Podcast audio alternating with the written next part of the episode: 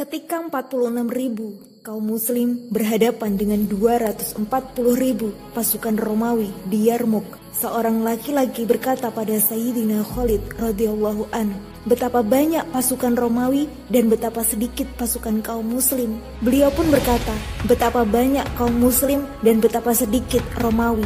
Pasukan itu menjadi banyak dengan pertolongan Allah dan pasukan itu menjadi sedikit karena tidak mendapatkan pertolongan Allah bukan karena bilangannya.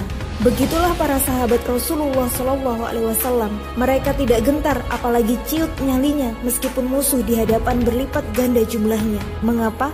Karena mereka sangat yakin dengan Nasrullah, dengan pertolongan Allah. Seorang Muslim memang seharusnya dalam menjalani kehidupan ini tidak hanya mengandalkan semata apa yang dilihat, dirasa, dan dipikirkan, tetapi juga apa yang diyakini.